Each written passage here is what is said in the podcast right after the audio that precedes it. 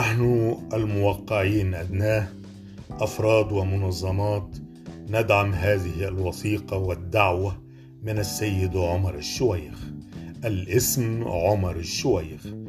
أحيطكم بأن عائلتي بالكامل رهن الاعتقال لدى وزارة الداخلية المصرية باستثناء أخي الأصغر ذو الاثنة عشر عاما.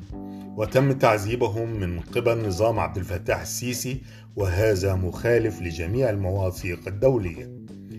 أخي عبد الرحمن تم القبض عليه عام 2014 بسبب موقفه المناهض للانقلاب العسكري. وتم اتهامه زورا بالانتماء لجماعة إرهابية وهو يقبع الآن في سجون السيسي حتى تاريخه.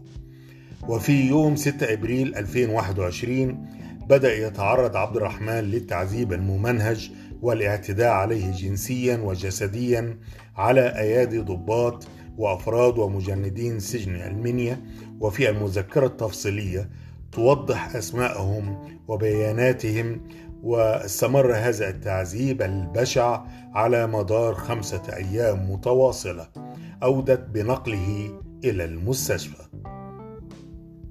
وقد قام عبد الرحمن بكتابة خطاب لوالدته واصفا ما تعرض له من تعذيب وناشدها بالتقدم بشكوى للمكتب المختص لمكافحة وتجريم الانتهاكات.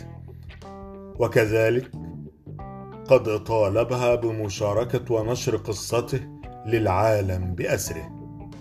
وقد استجابت والدته بصدق وإخلاص لشكوى ابنها وقامت بإرسال شكاوى رسمية للعديد من المؤسسات المحلية والدولية.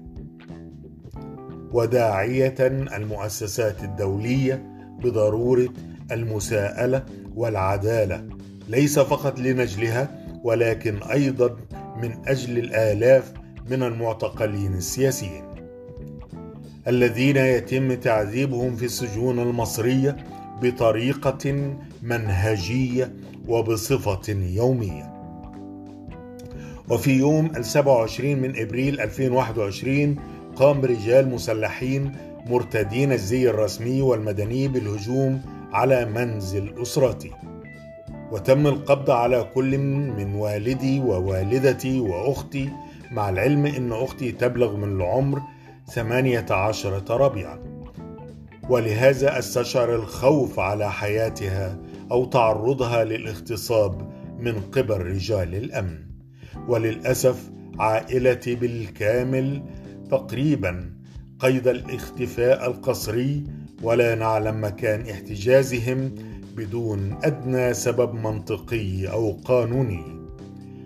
لقد قام نظام السيسي بالقبض على كل عضو من أفراد عائلتي يستطيع التحدث ويرفض الصمت على ما قامت به سلطات السجن من جريمة الاغتصاب الجنسي لأخي عبد الرحمن إنني أتحدث إليكم الآن من خارج الدولة المصرية حيث إنني أعيش منذ عام 2018 في إحدى دول الجوار. أناشدكم للتصدي للسلطات المصرية بالتوقف الفوري للتعذيب الممنهج لأخي عبد الرحمن الشويخ والإفراج عن كل أفراد عائلتي المعتقلين تعسفا. إن قضيتي وهمي ليس فقط الصحة النفسية والعقلية لأخي أو سلامة حالة أمي الصحية وليس فقط أمان شقيقتي الصغرى بل قضيتي هي حياة كل مصري يتم تعذيبه وانتهاكه في سجون السيسي. إن الوضع في مصر هو التحدي الحقيقي لإدارة الرئيس بايدن فيما يخص قضايا حقوق الإنسان حول العالم.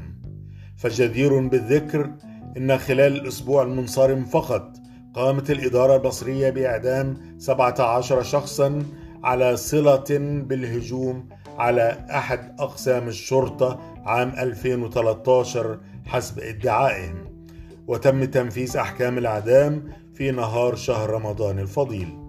وقد تم انتزاع الاعترافات تحت التعذيب وإدانتهم في النهاية بأحكام الأعدام وهذا كله مخالف للأعراف والقوانين الدولية. إن فساد وإجرام وفاشية نظام السيسي ما هو إلا نتيجة للدعم الأعمى من صانع القرار الأمريكي بمليارات الدولارات. إن النظام المصري يستمر في استهانته بالحقوق الأساسية والمدنية لمواطنيه ومتجاهلا جميع المواثيق الدولية. أنا كمواطن مصري أطالب بتجميد مبلغ مليار وثلاثمائة دولار مليون دولار قيمة المساعدات العسكرية الأمريكية لمصر. شريطة أن توقف السلطات المصرية كل أشكال الانتقام من المجتمع المدني المصري. إن الولايات المتحدة الأمريكية قد أعطت المصريين الأمل بالإيمان العميق في قيم الحرية والديمقراطية والمساواة وحقوق الإنسان حول العالم. للأسف الشديد إن المصريين يعذبون ويقتلون لمجرد إيمانهم بهذه الحرية. هذا الاضطهاد لن يتوقف حتى يتوقف الدعم المالي لهذا النظام.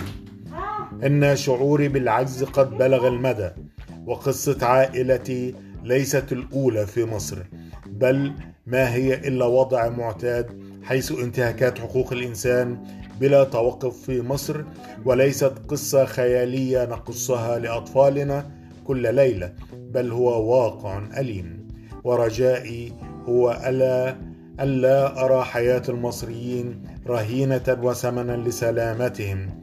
السيد بايدن رئيس الولايات المتحدة الأمريكية أذكركم بوعدكم بأنه لا شيكات على بياض لدكتاتور ترامب المفضل.